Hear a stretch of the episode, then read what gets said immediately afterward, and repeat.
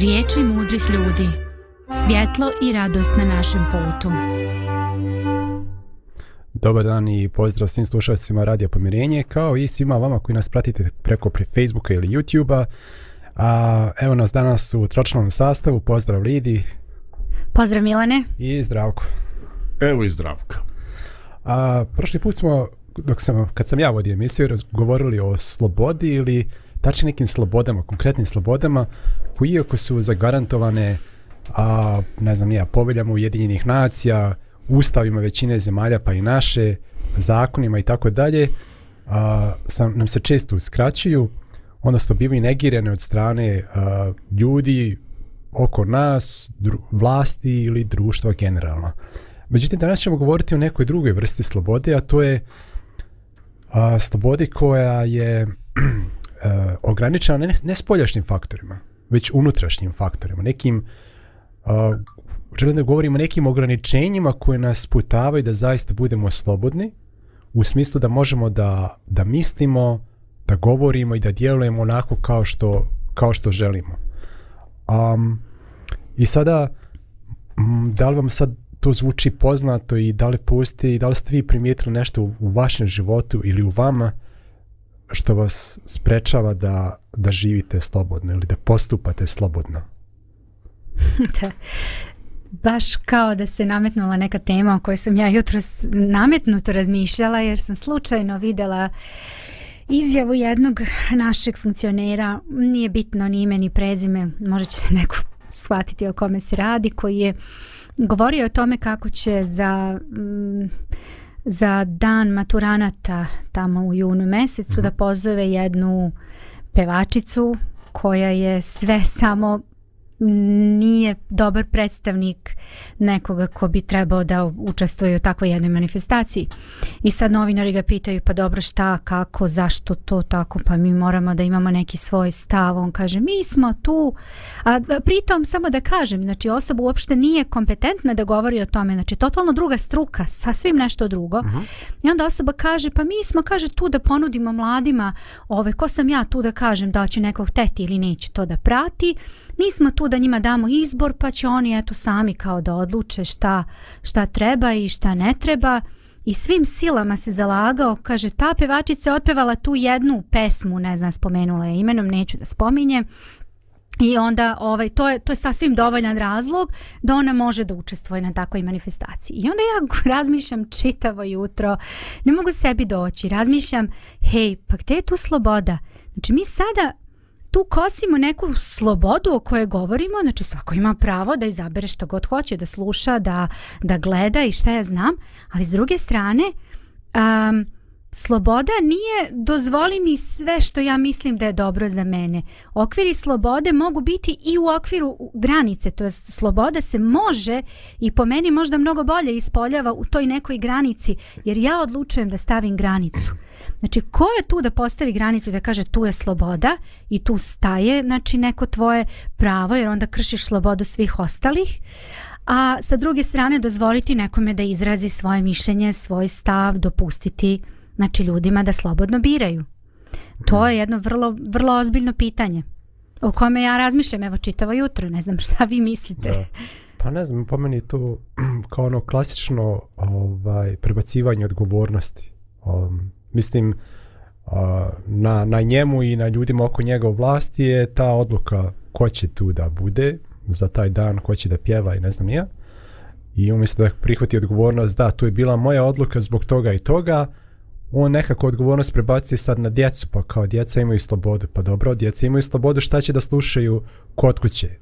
I dobro, imaju možda i slobodu hoće li na dan maturanata ili ne ali to je bila tvoja sloboda da zabereš ko će da pjeva na dan maturanata. I onda, ali to je onaj, mislim da je to klasično kod političara, to je izbjegavanje Absolutno. odgovornosti. Kad on donesu odluku, onda se onda se prebacuje to na nekoga druga, a slično kao što je direktorica škole koju si pomenula prošli put Lidija, mm -hmm. a, rekla, a nije to direktorica škole. To je, a to je bio naš prijatelj. A, kad je Želimir pričao Aha. o upisu a, o upisu djece u školu, pa kad je direktorica njemu rekla. Aha, da, ovaj, da, da, da, da, znam a, tu priču. Pa roditelji su re... A, znači radi se upisu nekog a, kineskog djeteta u neki razred tamo u Srbiji, nije ni bitno. I ovaj direktorica je tad rekla, pa ovaj roditelji su se saglasili, ro- roditelji su rekli, otkad roditelji uključuju, odlučuju ko će biti ovaj koji će dijete biti primljeno u razred njihove djece. To nije nikad bilo od ja znam. Tako je, tako znači, je. znalo se dest. Savjet ubace- roditelja da, ali Ubace roditelji. neko dijete koje je propalo na godinu i koje je problematično upa, ubaci u razred tvoga djeteta Bez pitanja. i jel ti kod pita od tebe ili prebaci nekog problematičnog iz druge škole koji je kažnjen izbacivanje iz škole i ubaci ga u razred da sjedi pored tvog djeteta. Ili imaš ti neko pravo da kažeš ništa? Ne, nikad to nije bilo. Ali sad odjednom roditelji razmišljaju je li to u redu da strani državljanin uđe u razred ili ne. Mislim, to je, to je tako smiješno. Ali klasično prebacivanje odgovornosti nisam ja to, već su to kao drugi. Što je onako kukavički način da se ovaj neke neugodne situacije, da tako kažem, razriješe. Ma meni je to klasični populistički pristup koji se ovaj eh, koji svoje poene sakuplja podilazeći uh, ukusu najširih masa ili makar zbog misli da će da tako većina ovaj razmišlja i da će ovaj podilazeći ovaj da će on dobiti. Ovaj ne znam što onda što sto već srednjoškolci što im ne zovnu neke cajke fino ovaj, da igraju po stolovima i ovi srednjoškolci će biti oduševljeni garantujem.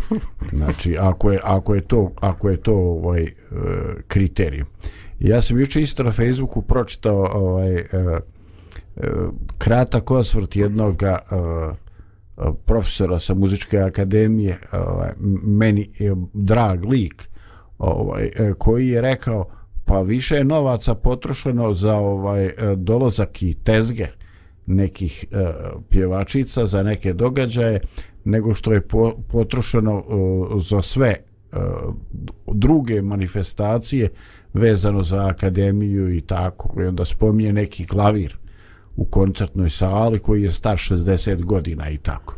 Mislim, ja se pravo ne razumijem u te klavire, ovaj, koji je njihov radni vijek, koliko oni kilometara mogu preći, ali ovaj, čini mi se po izrazu kako je on to koncipirao rečenicu, on zna o čemu priča, da je taj ovaj da je taj baš odvozio svoj radni vijek klavir. Hmm. Ali šta je prioritet? Apsolutno. ovaj, mislim da ste mislim da da si definitivno pravo i, i, i da je to pitanje podilaženje na neki način širokim narodnim masama i, i ne znam, neko ko se recimo probio u nekim naslovima u skorije vrijeme i koji malo ovaj, više zadobio medijske pražnje, odjednom od svih se baš izabiraju ti. Tako da, ne znam.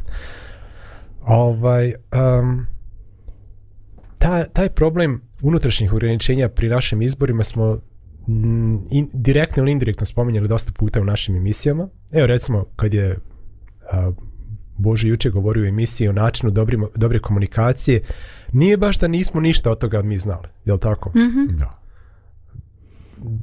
Dio tih stvari, ako ne i sve, smo vi već ranije čuli ili pročitali. Međutim, kad se nađemo u takvoj situaciji, kada naš bračni drug ili partner ili a, nam kaže nešto što nam se ne dopadne ili što smatramo da nije tačno, da li mi reagujemo po onome što znamo i što smo čuli i što znamo da je dobro prema nekim pravilima dobre komunikacije ili postupamo po, ne, po nekim drugim trenutačnim inspiracijama.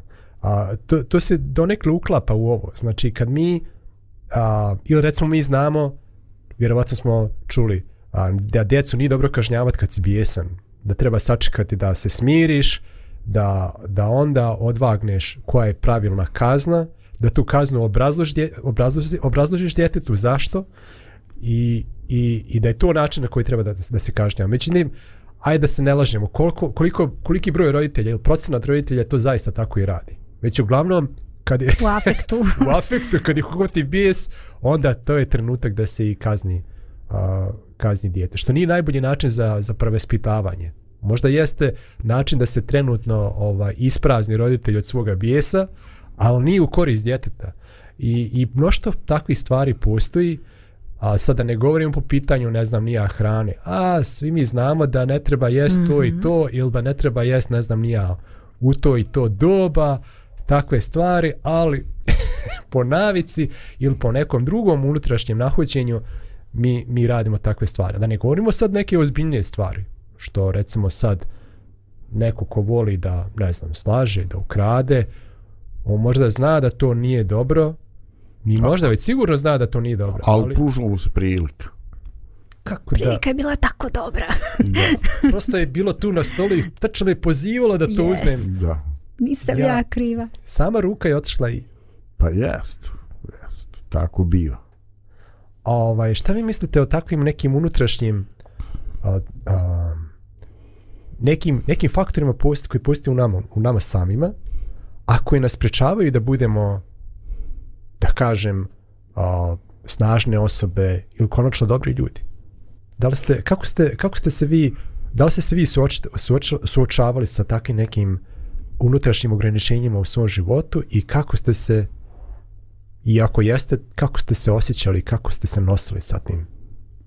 Pa, o, pa vidiš Milane, a, kad je čovjek a, mlad, ovaj, a, onda se a, po onome pravilu koje se ovaj, a, koje smo davno čuli, evo trenutno sam zaboravio o kome se radi, stari srbijanski političar ovaj, posle prvog svjetskog rata, ovaj, jednostavno e, govorilo se e, o tome šta činiti, šta ne činiti. I ovaj e, on je dao jednu definiciju koja je definitivno ovaj ostala ostala do sada.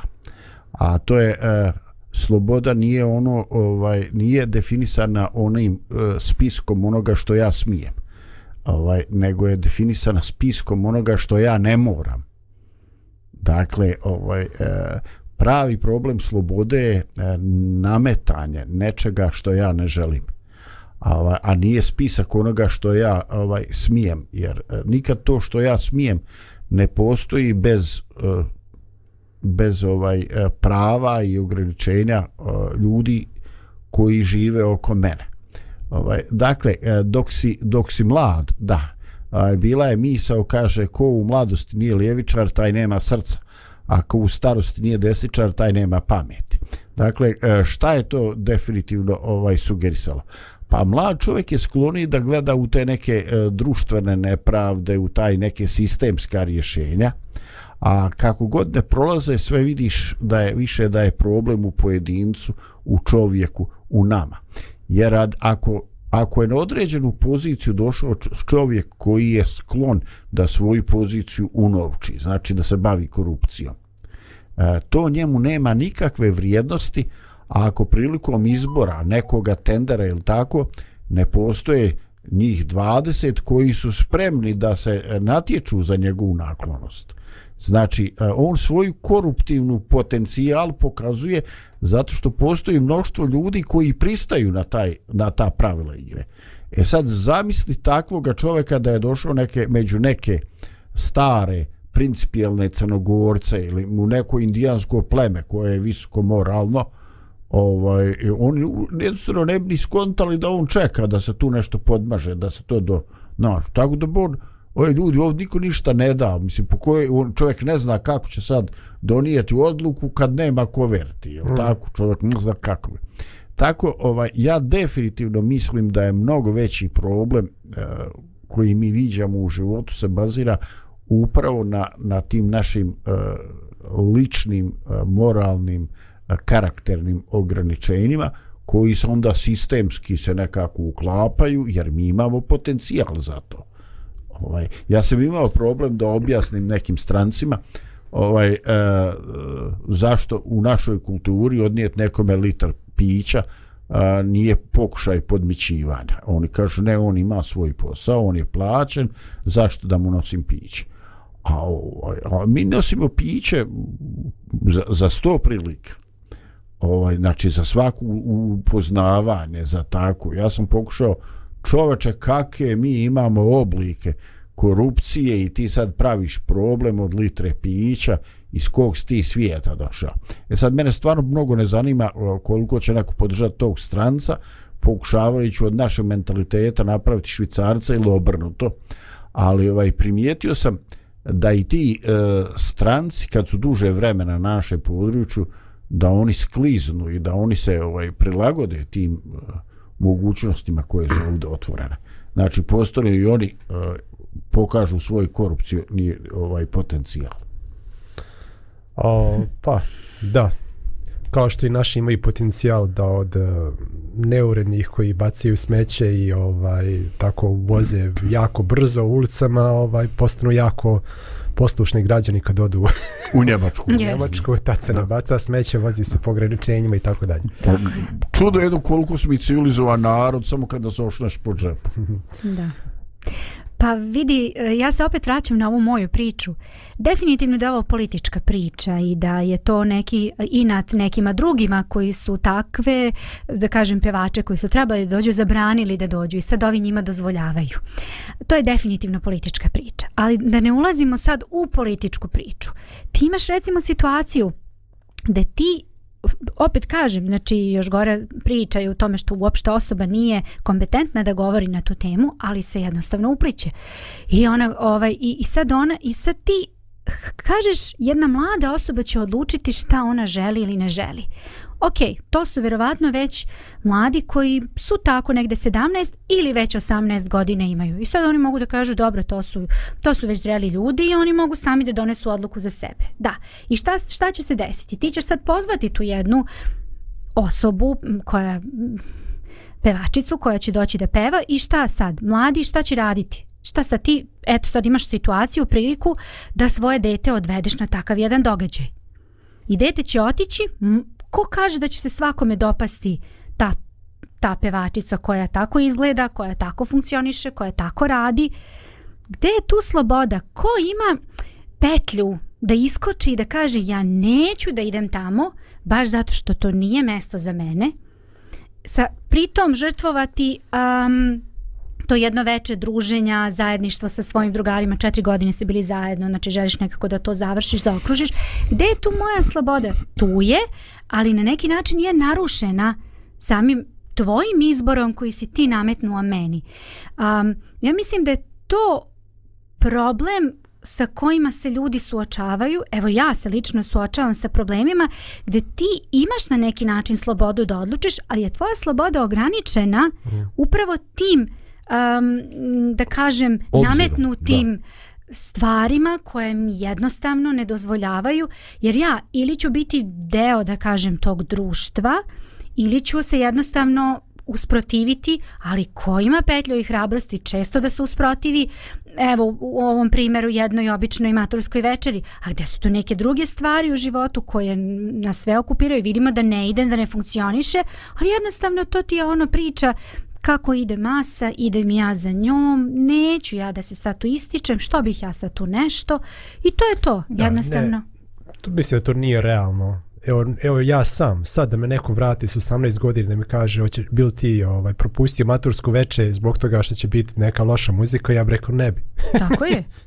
Mislim, pa sa, jeste. Sa, sa ovom pamećom, kamo li sa, sa pamećom 18 godišnjaka. Tako da mislim da je to nerealno. Jedini je, jedino je realno izvršiti pritisak na donosioce odluka prije nego što prije same maturske večere od strane da li, da li maturanata ili, ili njihovih roditelja.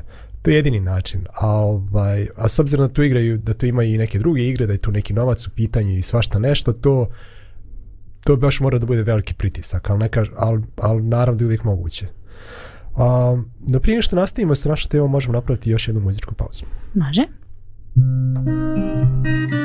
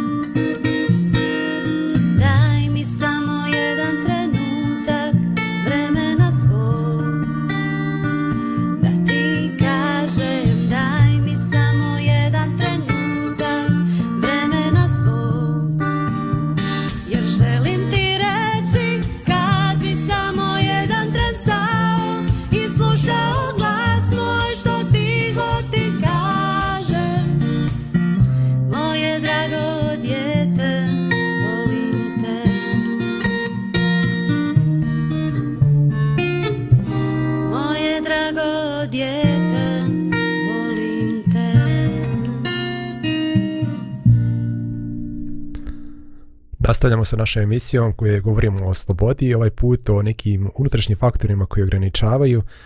I bez obzira da li smo mi odlučili u prošlosti da ćemo nešto da da ćemo da živimo zdravije, da ćemo da vježbamo tri puta sedmično, onda se probudimo, onda se nakon mjesec dana sjetimo da, ni, da nismo ništa radili po tom pitanju, da li se radi o tome da smo imali izlive bijesa na našim bližnjima, onda se posle kali zbog toga i iznova iznova govorići da to više nećemo tako raditi, ili se radi o tome da smo bili nepošteni i nešto pronevjerili, a poslije se poslije osjećali grižu savjesti, međutim opet ponovili isto kad nam se ukazala prilika.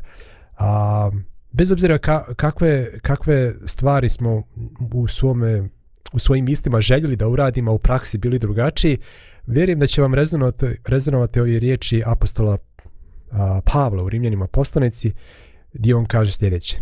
Zbilja ne razumijem šta radim. Ta ne činim ono što bih htio, nego što mrzim, to činim.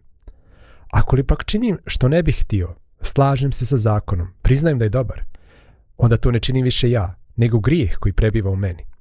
Doista znam da dobro ne prebiva u meni, to jest u mom tijelu. U istinu, htjeti mi ide, ali ne i činiti dobro. Da ne činim dobro koji bih htio, nego zlo koji ne bih htio, to činim. I ovo su riječi jednog čovjeka zapisane prije skoro 2000 godina. Međutim, a, ovo je jedan od razloga zašto je Biblija i dalje aktuelna. Zato što ona ne govori o nekim stvarima koji su bili interesantne ljudima tada ili u tadašnjem društvu, već koji su aktuelni za sve ljude u svim vremenima. I evo ja čitam ove riječi danas i ja prepoznajem sebe u ovim riječima. Da, da sam mnogo puta želio da činim dobro, ali kad sam htio da to i uradim, da nisam nalazio snagu da to i učinim. Um, I bez obzira kakav, kakva promjena, ka, ka, kakve stvari u životu to, to podrazumijevale, um, čini se da apostol ovdje govori da postoje neka dva entiteta u nama, da tako kažem, ili da je naša ličnost na neki način podijeljena između, između dva dijela, od kojih jedan on naziva ja, to je onaj koji on koji on identifikuje sa svojom ličnošću, a to su one misli koje su dobre, gdje on, um, gdje on prepoznaje šta je dobro, gdje on prepoznaje da je ono što Bog pre, uh, kaže da mi treba da radimo dobro, Međutim, ne postoji neki drugi dio, drugi dio unutar čovjekove prirode koji ga na neki način sprečava da to uradi. I nagoni ga da radi upravo suprotno. A šta vi mislite o ovom kako se to kaže, dihotomiji ljudskog bića, što bi rekli neki stručnjaci, odnosno podijeljenosti, Podvojenosti. podvojenosti ili podijeljenosti naše ličnosti, gdje postoji nekakva dva elementa koji se međusobno suprotstavljaju ili bore i gdje nažalost ovaj ovaj dobri element a, ako ne kod svih ono kod većine ljudi a, nekako podređen i samo nešto mašta i priželjkuje a ovaj drugi sprovodi svoje pa, Ja to vidim kao um, nešto što je naravno konstantno prisutno u čovjeku, ali um, za bilo kakvu promjenu, za bilo šta dobro, čovjek mora da se potrudi. Znači, moraš da uložiš određeni trud i napor.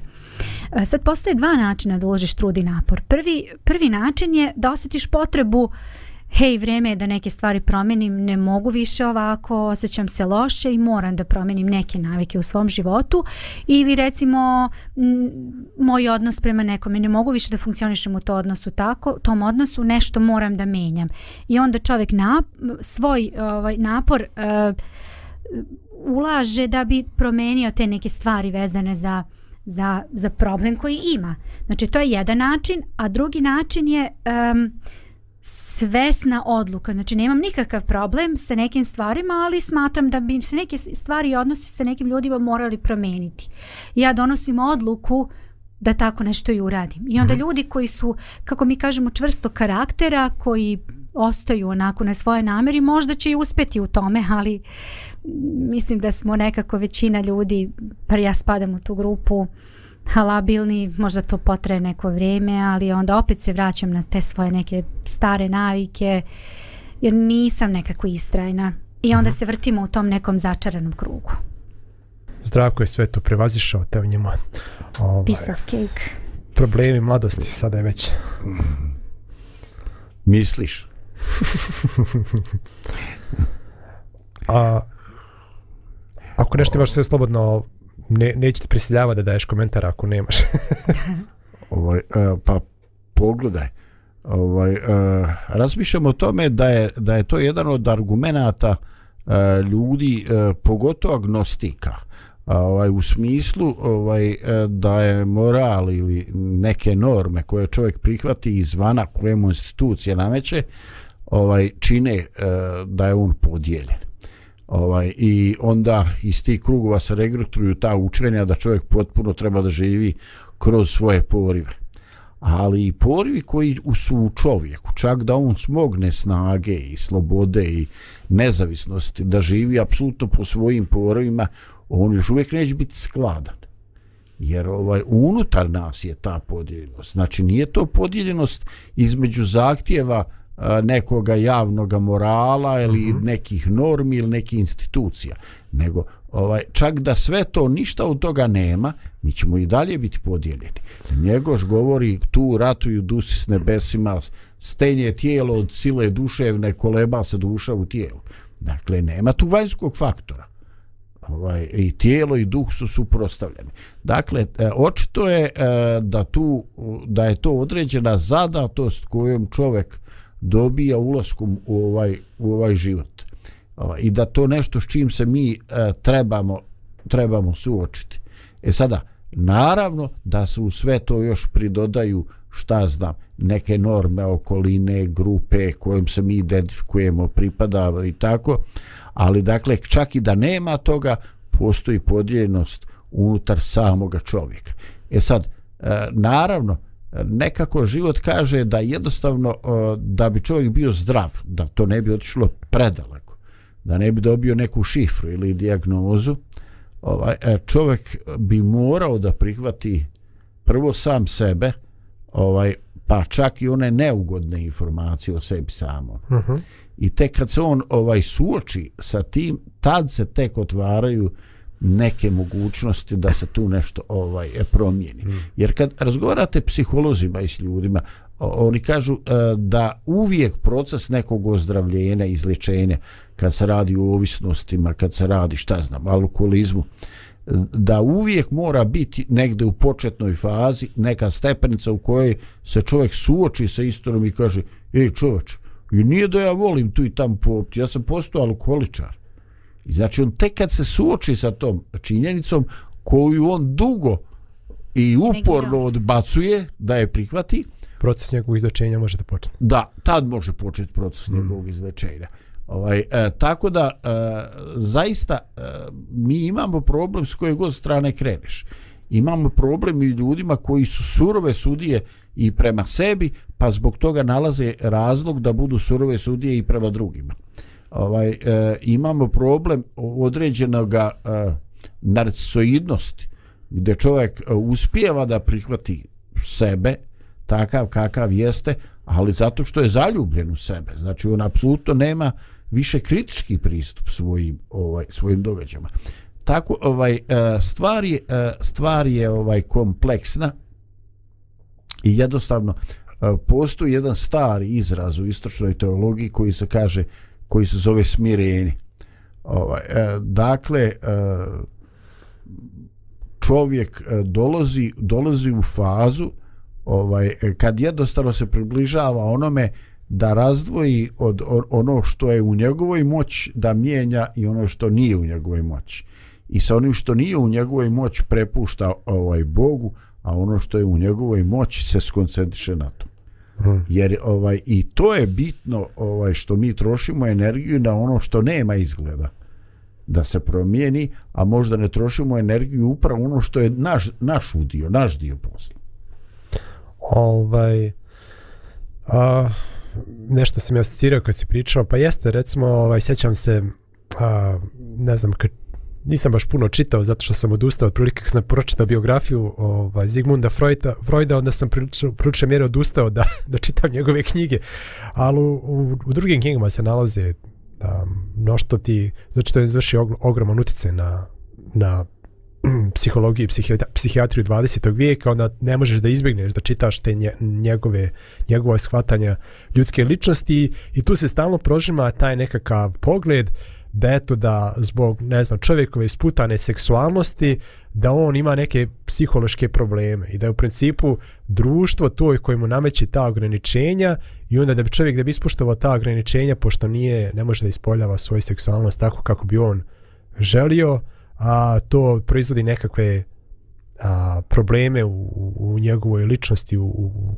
u Da. psihološke probleme. Drugim riječima, da nema tog lošeg društva koje nas ograničava u našim slobodama i da možemo da živimo onako kako poželimo, kako je naša stvarna priroda, tad bi mi bili izliječeni od svih nekih naših problema. To je, to je u principu logika koju on nameće. I onda možemo da vidimo da je on u stvari na neki način i pripremio teren za, ne znam, seksualnu revoluciju 1960-ih i tako dalje, zato što je on u principu rekao da je to nekakav a, vještački moral, moral nametnut s polja, koji su nametnula, ne znam, crkva ili društva čovjeku, koji čovjeka isputavaju njegovoj slobodi i da on u stvari kad čovjek ima slobodu da čini ono što Biblija naziva grijehom, da je on onda srećen i slobodan. Međutim, a, nakon toga, kad, kad se mjeri, kad pusti psihološke metode kako se mjeri blagostanje ljudi, se vidjelo da svi ti ljudi koji praktikuju te slobode nemaju bolji kvalitet života. Nemaju više radosti, nemaju više sreće, nemaju skladnije odnose, ne uživaju u odnosima bolje od onih ljudi koji se drže moral, nekih moralnih normi koji danas nazivamo pod navodnicima zastarjelim. A, tako da je ta, to je još jedna lažna priča u smislu da nije problem u mojim lošim pobudama, već je problem u društvu koje me ograničava da ih sprovodim. Zato što čak i kad, se, kad im se da apsolutna sloboda, onda se vidi njihova najveća destruktivnost. Um, tako da, da to nije nikakva sloboda. ovaj, kad ti kažu, e, ti slobodno postupaj kako, Kako ti osjećaš. hoćeš, da.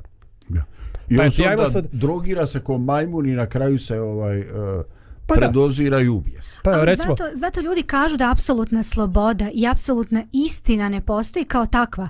Zato što um, ne možeš ti da... Um, sloboda sama po sebi, ona, ti je možeš ispoljiti na različite načine. Istinu, možeš ti nju da iskažeš i to stvarno jeste istina. I ti ćeš može dobiti sve ono što sa tom istinom dolazi. Ali ćeš dobiti ono što ne želiš sa tom istom istinom. Znači, ne, nis, nije sve crno-belo. Znači, postoje ipak neke, neke, neke okviri i forme koji se moramo držati ako želimo da živimo u okviru te slobode i u okviru istine. Uh, jest. I to je, i to je možda, hm, kako bi rekao, slobode neki, slobodom neki shvataju, i to je čak i apostol Ga, Pavle govori, da živimo kao slobodni ljudi, ali da tu slobodu ne koristimo da bismo udovoljavali željama tijela ili upravo ovog, ove grešne prirode koji se ovdje govori u Rimljanima poslanici, već da činimo dobro. Znači, a na neki način, jeste, mi imamo slobodu, ali ta sloboda je kao, a možda to ostavim za kasnije kad budemo više pričali o tome, ovaj, ali uglavnom da shvatimo da da sloboda nije da postupamo prema unutrašnjim težnjama neke naše a, nekog onog lošeg dijela naše prirode, jer u tom slučaju jer u tom slučaju sve manje i manje slobode imamo. I što čovjek više čini ono što je loše, to ima manje slobode da izabira ono što je dobro. I to je možda kao kad čovjek ima slobodu a, da izbori, da, da, da odluči hoće li skočiti neku rupu ili neće, ali ako odluči da skoči u rupu, on više nema slobode da, da donese odluku hoće li da, da iskoči iz rupe. Apsolutno. Tako da čovjek koji može da čini i dobro i zlo, on ima slobodu, ali onog trenutka kada izabere zlo, on tu slobodu gubi. I to mnogi ljudi ne razumiju. I recimo, mnogi ljudi meni tako kažu, kad ja kažem, ja ne znam nija, ja ne pijem, recimo. I meni kažu, a tebi tvoja vjera zabranjuje. Mhm. I sad ja, gdje da se, gdje da počnem sa pogrešnim shvatanjem toga? Ja kažem, meni vjera ništa ne zabranjuje, meni vjera eventualno može da preporučuje nešto, a ja sam, a ja sam odlučujem šta ću ili neću. Ali onog trenutka kad ja odlučim da, da hoću, da li ja mogu i da izaberem da se vratim tamo a, gdje sam bio? Ako ja odlučim, evo recimo taj primjer sa drogom, meni je moja sloboda da ja počnem da uzimam drogu. Ja počnem da uzimam drogu, dobro, hoće to promijeniti e, realnost šta ta droga radi u mom tijelu? Neće. Isto tako. Imamo mi slobodu da činimo razne grijehe, ali da li imamo slobodu da izaberemo posljedice teg tog grijeha? Nemamo. Tako da, da posljedice dolaze kako, kako, god mi, e, kako god mi tu našu slobodu upražnjavali. A prije što još nastavimo s tinom, a, može jedna muzička pauza.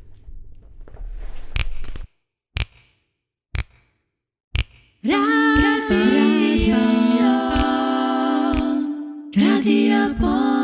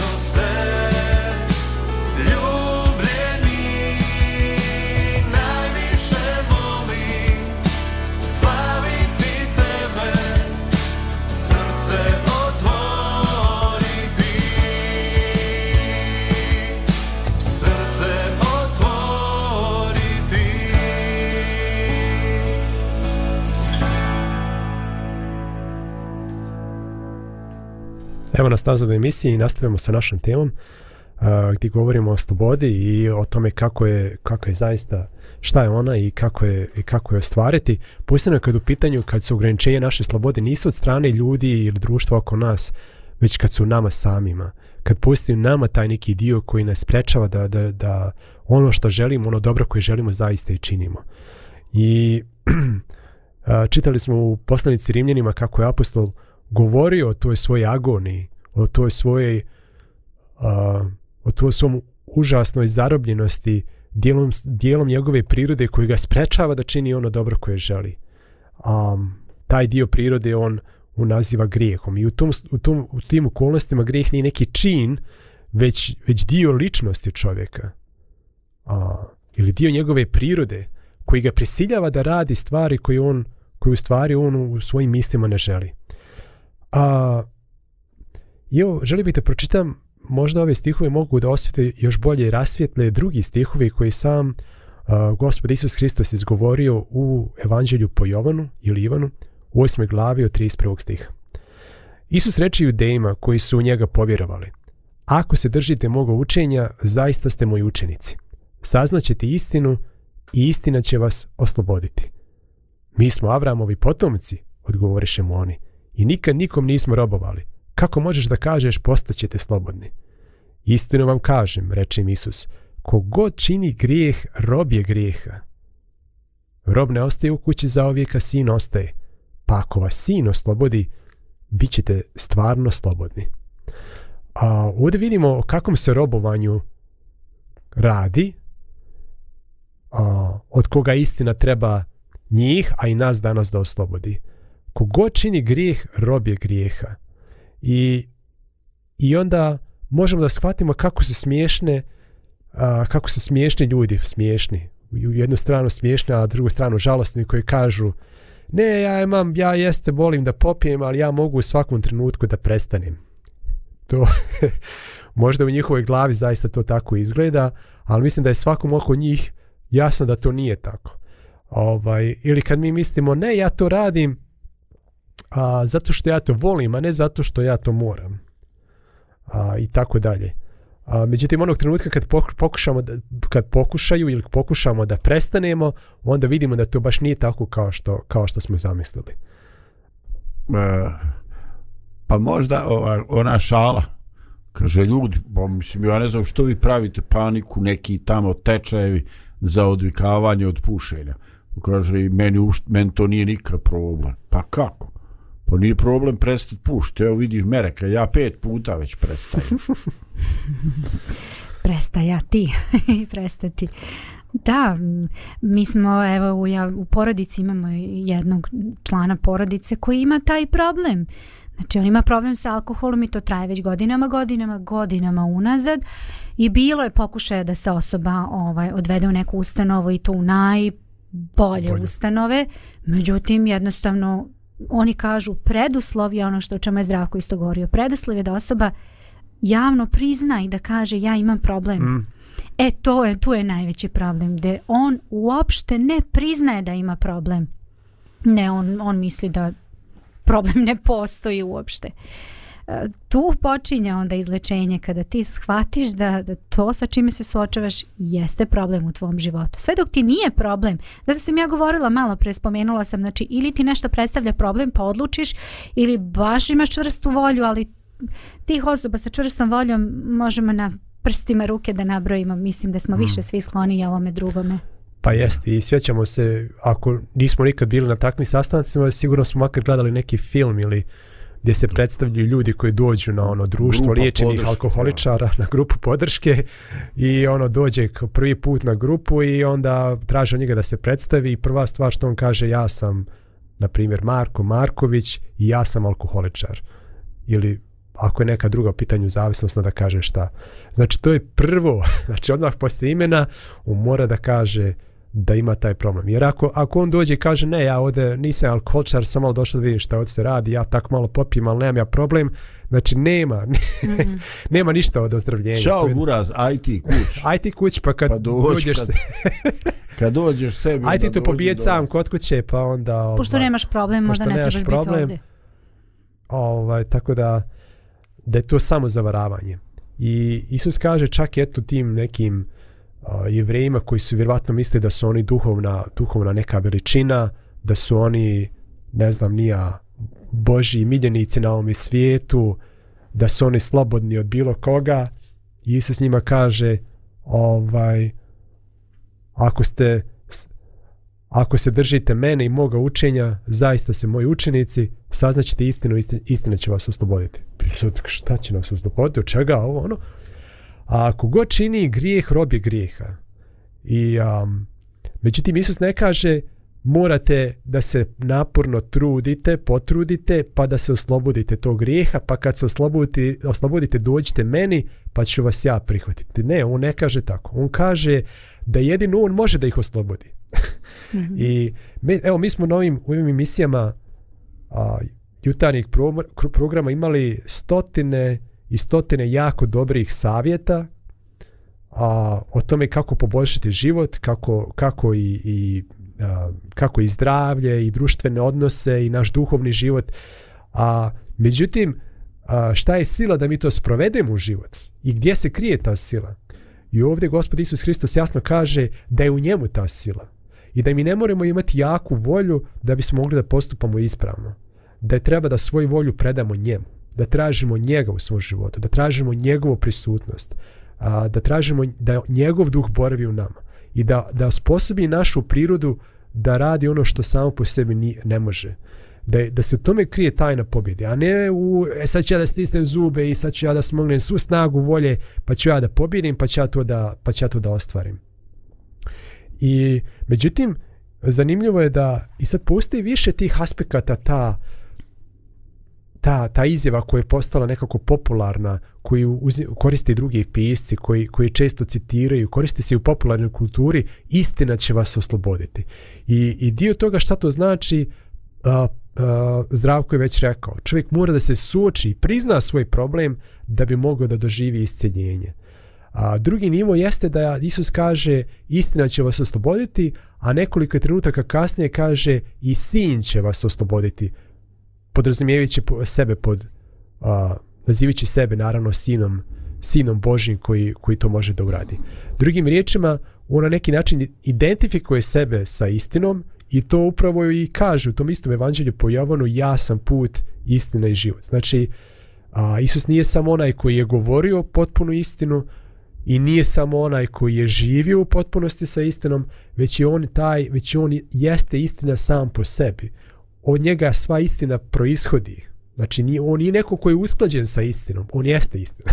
Da. A, kao što nije neko ko on, ko ima život, on jeste život. I taj život daje drugima. Um, međutim, evo, želio sam još da, da razmišljamo o nečem drugom. Ako je istina ta koja će nas osloboditi, šta onda laž čini u našim životima? Jeste razmišljali o drugoj strani medalje? Znači, ako istina suočavanje i prihvatanje istine i, i konačno Isusa Hrista kao, kao konačnu no istinu, ta koja nas oslobađa, šta čini laž u našim životima? Pa u najmeni ruku od, odlaganje e, ozdravljenja ovaj, ili, e, ili smanjenja šanse da do njega dođe čak i u budućnosti. Ali daje neku vrstu sigurnosti i olakšanja. Znaš, kad ćutiš, kad sakriješ, imaš osjećaj, u dobro je, prošlo je. Ne moram o tome da govorim, ne moram se suočiti sa tim. Kratkotrajno, koliko god je to kratkotrajno, može biti godinama kratkotrajno, može biti minute, nije bitno. Zavisi šta je, šta je u pitanju, ali samo, slažem se apsolutno, odlaže suočavanje sa tom istinom. Najružnije što se dešava jeste da ljudi završe sa svojim životom, a ostanu da žive u nekoj laži. Znači umru sa tom nekom laži o sebi i o svom stanju. Mm. Da. Pa to nas dovodi do pitanja ovaj pitanja uh, ispovijedi. Ovaj jer uh, o, o suštinsko pitanje u koje je sad Lidija spomenula, ja bi ovaj eh, ja bi tu dodao uh, najvažnije da li ti uh, ti možeš nešto prećutati prema, pred ljudima i da to ne bude greška. Jer da li to uopšte treba ta informacija ljudi o tvome nedostatku? Da li ću ja biti bolji ako saznam nešto šta kod Lidija ne valja? Znači, men ta informacija ne treba, neće učiniti bolje ništa ni tebi ni meni. Ali je opasna ako Lidija, Zdravko, Milan, a, ako mi e, sami sebe lažemo. Mm -hmm. Jer ta laž je, ta laž je tragična. Tako je. E sad, e, u hrišćanskoj tradiciji postoji ta, znači, u ustanova ispovjedi gdje je čovjek uh, pozvan da se otvori uh, kao pred Bogom. Naravno, ne, neću ja sad ovaj ulaziti u to uh, razrešenja, praštanja i tako, to je sasvim neka druga priča. Ali je to jedna velika šansa ovaj uh, da čovjek uh, možda možda zato što je ovaj neka neizvjesnost, možda radi toga što je ovaj predostio blizinu smrti ili tako, ovaj e, što je ipak neka šansa da se on ako ništa drugo pred sobom suoči sa istinom. Ovaj, uh, sjećam se da je Scott Peck pisao o tome kako mi imamo neke mentalne mape svijeta u smislu da da svako od nas ima u glavi sliku onog re, realnosti i ta, ta slika je manje ili više a, a, da kažem se razlikuje od realnosti u smislu da ili naša mapa nepotpuna jer mi konačno ne znamo cijel, celokupnu realnost, ne, ne, ne razumijemo u potpunosti svijet u kome živimo, ili da je u nekim stvarima pogrešna. I on kaže što su, onda bi tre, zadatak svakog ljudskog bića trebalo da ta mapa bude što potpunija i što tačnija. Jer kad imamo ispravne mape, onda možemo da donosimo dobre odluke i stignemo na, na pravo mjesto, al tako? Međutim, ako nam je mapa pogrešna, onda ćemo, onda ćemo da završimo na pogrešnom mjestu. A I, I problem je kad lažemo sami sebe, mi pristajemo na pogrešne mape realnosti i onda ne možemo da stignemo na dobro mjesto. Onda će nas ti mape odvesti na pogrešno mjesto. Slično tome je i govorio i Jordan Peterson, koji je postao jako poznati kao, kao, kao i neki govornik popularan na, na, na internetu, ali i kao autor uh, knjiga. I on, uh, I on govori sljedeće. Um, zašto lažemo? Iz dana u dan možemo lagati spoljni svijet da bismo dobili ono što želimo i izbjegli bol. Lažemo da bismo izgledali kompetentni, da bismo stekli status, da bismo bili omiljeni ili da bismo spriječili sukob. Ovako mi manipulišemo, manipulišemo svijetom. Na dublji nivou možemo lagati sebe o tome šta želimo. Možda imamo život i snova koji zamišljaju, koje zamišlja, zamišlja naše mlađe ja, a da pažljivo ne ispitujemo da li to zaista želimo možemo imati ideje o tome šta zaista želimo, ali se zapravo zavaramo misleći da ih je nemoguće dostići ili su ipak nepoželjne. tada se ponašamo na način da prekrijemo a, jednu sa još jednu laž sa još laži, ali u duboko u sebi znamo da to nije u skladu sa našim vjerovanjima i osjećamo se uznemireno. I da dalje kaže, naša laž može početi sa zaštitom od stvarnosti, možda vjerujemo da je stvarnost nepodnošljiva i da se mora iskriviti, želimo da izbjegnemo taj kratkotrajni bol, ali nakon određenog trenutka laži zažive svoj sobstveni život. Prvo počinjemo sa malom laži, zatim to potkrepljujemo daljim malim lažima, onda iskrivljujemo svoje razmišljanje da bismo izbjegli sramotu tih laži i tada te laži postaju neophodne i postaju ritualizovane u nesvjesno djelovanje. Što duže lažemo, više vjerujemo u to i to je teže poneštiti. Drugim riječima, laganje je ne samo, mi mislimo da laganje manipulišemo uh, spoljašnjim svijetom, ali mi laganjem mijenjamo sami sebe. I te laže postanu dio naše prirode i nas one sposobljavaju da, da, da razlikujemo istinu i laže i da vidimo svijet u njegove realnosti. I to je ta zamka laganja i da kao što istina može jedina da nas oslobodi, tako laganje ili praktikovanje laganja nas čini još više i više zarobljenim u našem grijehu. I zato je vrlo opasno lagati i druge i same sebe. A to ne može ići odvojeno tako lako jedno drugoga kao što mi mislimo da može. E, tu je i manipulacija uključena gdje manipulišemo ili samima sobom ili još gore manipulišemo drugima. To je možda jedan drugi stepen te laži koja se ispoljava. Ali to vodi, evo vidjeli smo iz primjera, pročitao si gde, gde nas to vodi. Mm. Znači, može da duboko razmislimo idući put kada, kada mislimo da je laž a, nam može da nam pomogne. A, znači, u nekom kratkotrajnom, u nekom kratkotrajnom ona može da nam pomogne, ali, po, ali je cijena zato suviše velika. I dugoročno to nas vodi a, ka, ka promjeni naše sobstvene ličnosti gdje mi nismo so, sposobni da razlikujemo istinu i laž, niti smo sposobni da izaberemo i donosimo prave odluke u našem životu. I onda smo tek u onom velikom problemu, daleko većim od onoga koji smo htjeli da a, tom laži, malom laži izbjegnemo.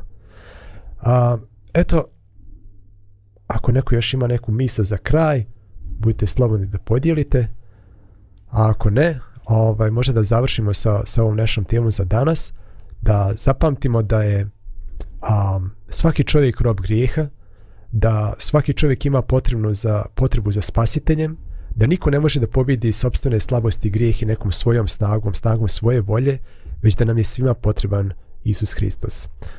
A, toliko za danas. Pozdrav svim slušalcima Rade pomirenja i do slušanja sutra.